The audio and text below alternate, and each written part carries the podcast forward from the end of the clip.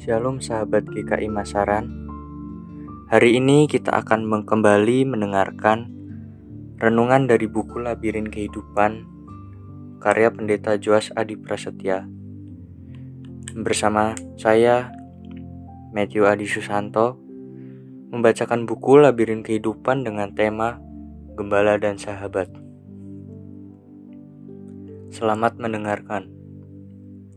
Gembala dan Sahabat Percakapan dua sahabat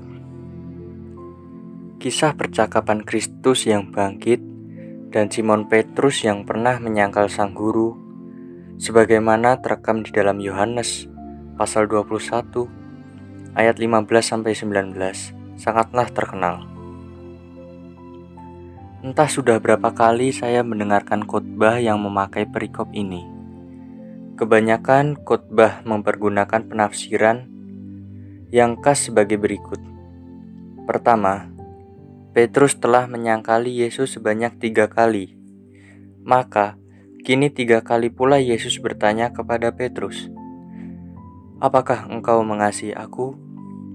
Sebagai tanda pemulihan yang Yesus tawarkan. Kedua, para pengkhotbah tersebut kerap mempergunakan perbedaan antara kata asli Yunani, antara agape dan filia, untuk menunjuk, menunjukkan dinamika percakapan antara Yesus dan Petrus.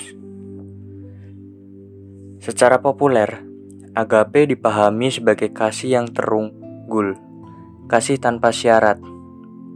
Filia, di lain pihak, adalah kasih persahabatan yang bernilai baik, namun tetap lebih rendah mutunya ketimbang agape.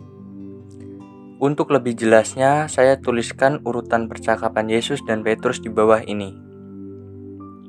Percakapan pertama, ayat 15. Yesus bertanya, apakah Simon mengasihinya? Agape. Simon membenarkan bahwa ia mengasihi Yesus, Filia. Yesus menugasi Simon mengembalakan domba-dombanya. Percakapan kedua, ayat 16. Yesus bertanya, "Apakah Simon mengasihinya?" Agape. Simon membenarkan bahwa ia mengasihi Yesus. Filia. Yesus menugasi Simon menggembalakan domba-dombanya.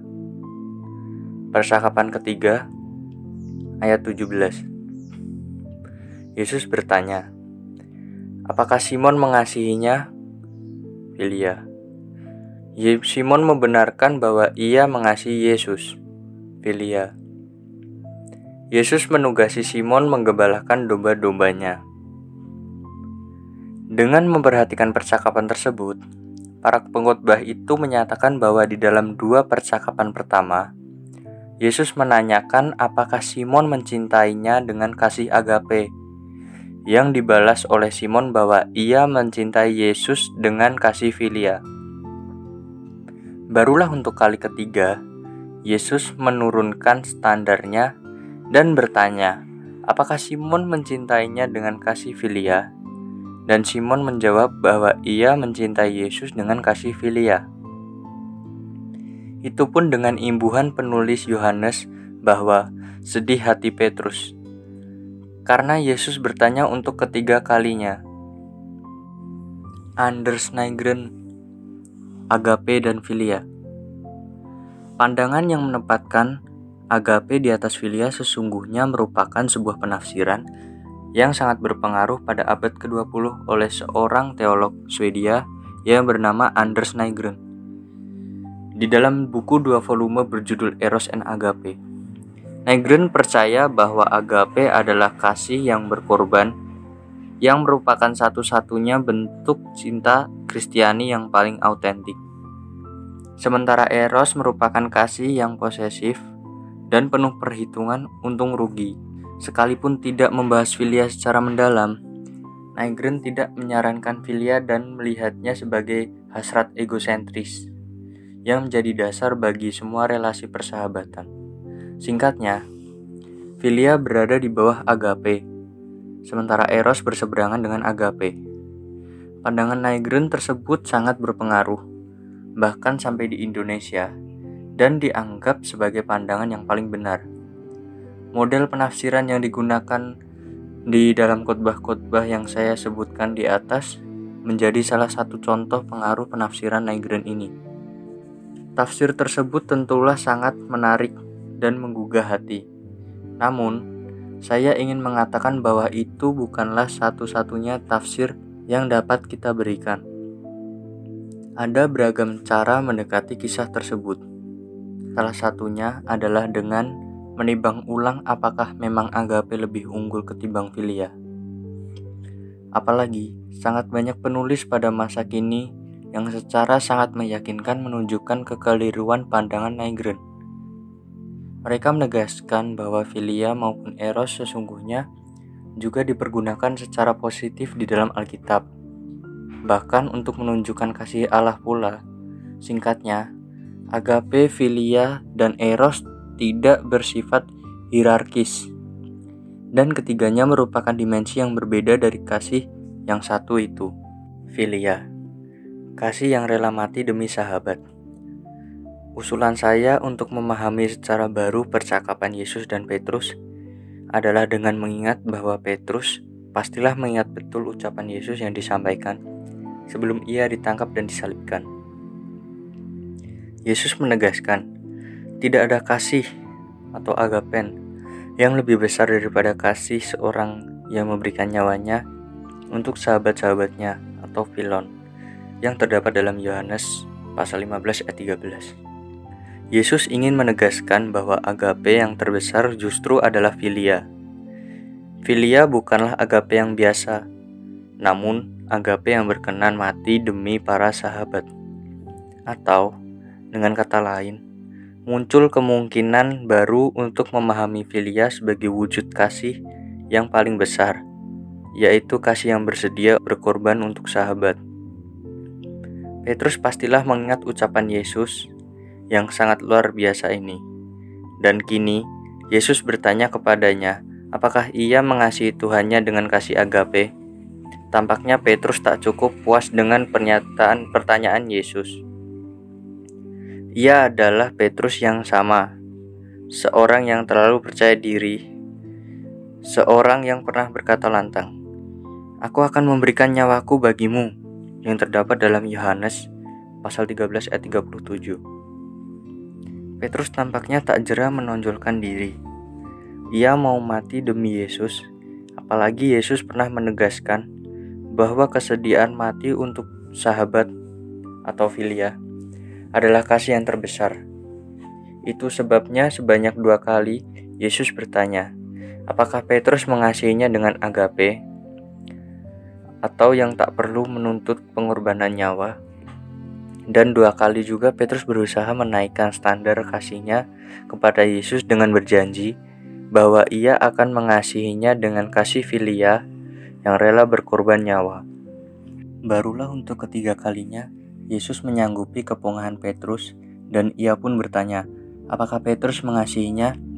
Kali ini dengan kasih filia yang rela berkorban untuk Yesus sahabatnya.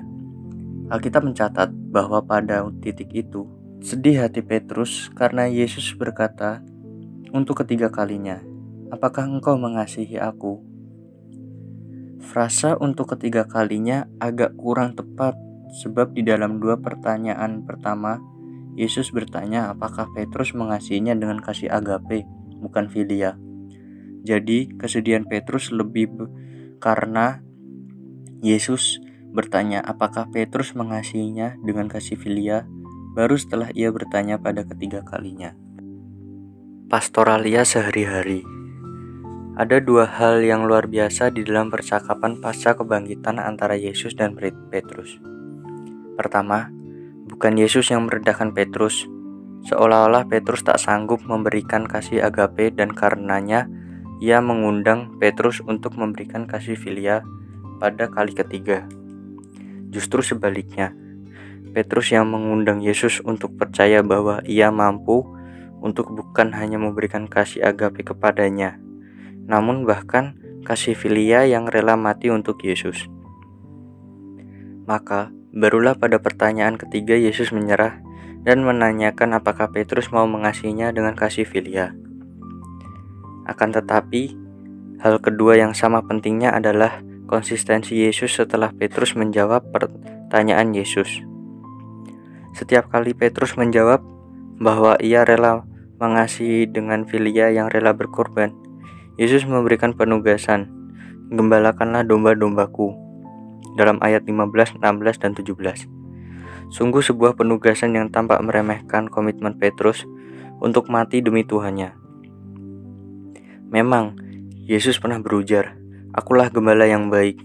Gembala yang baik memberikan nyawanya bagi domba-dombanya yang terdapat dalam Yohanes pasal 10 ayat 11, ayat 14, ayat 17. Namun, ia tengah berbicara tentang dirinya sendiri sebagai sang gembala. Lagi pula, tugas utama seorang gembala adalah merawat dan memberi makan domba-dombanya dari hari ke hari dalam dinginnya malam dan sepinya padang rumput atau padang gurun. Jadi, seolah-olah Yesus ingin berkata, "Baiklah, engkau mau mati untukku, tetapi buktikan kesediaanmu itu untuk mati untuk domba-dombaku. Akan tiba saatnya engkau, hai Petrus, untuk mati bagi domba-dombaku." Yang terdapat dalam Yohanes 21 ayat 18 19. Namun untuk sekarang ini, Cukuplah kau buktikan kesediaanmu dengan memelihara dan memberi makan domba-dombaku.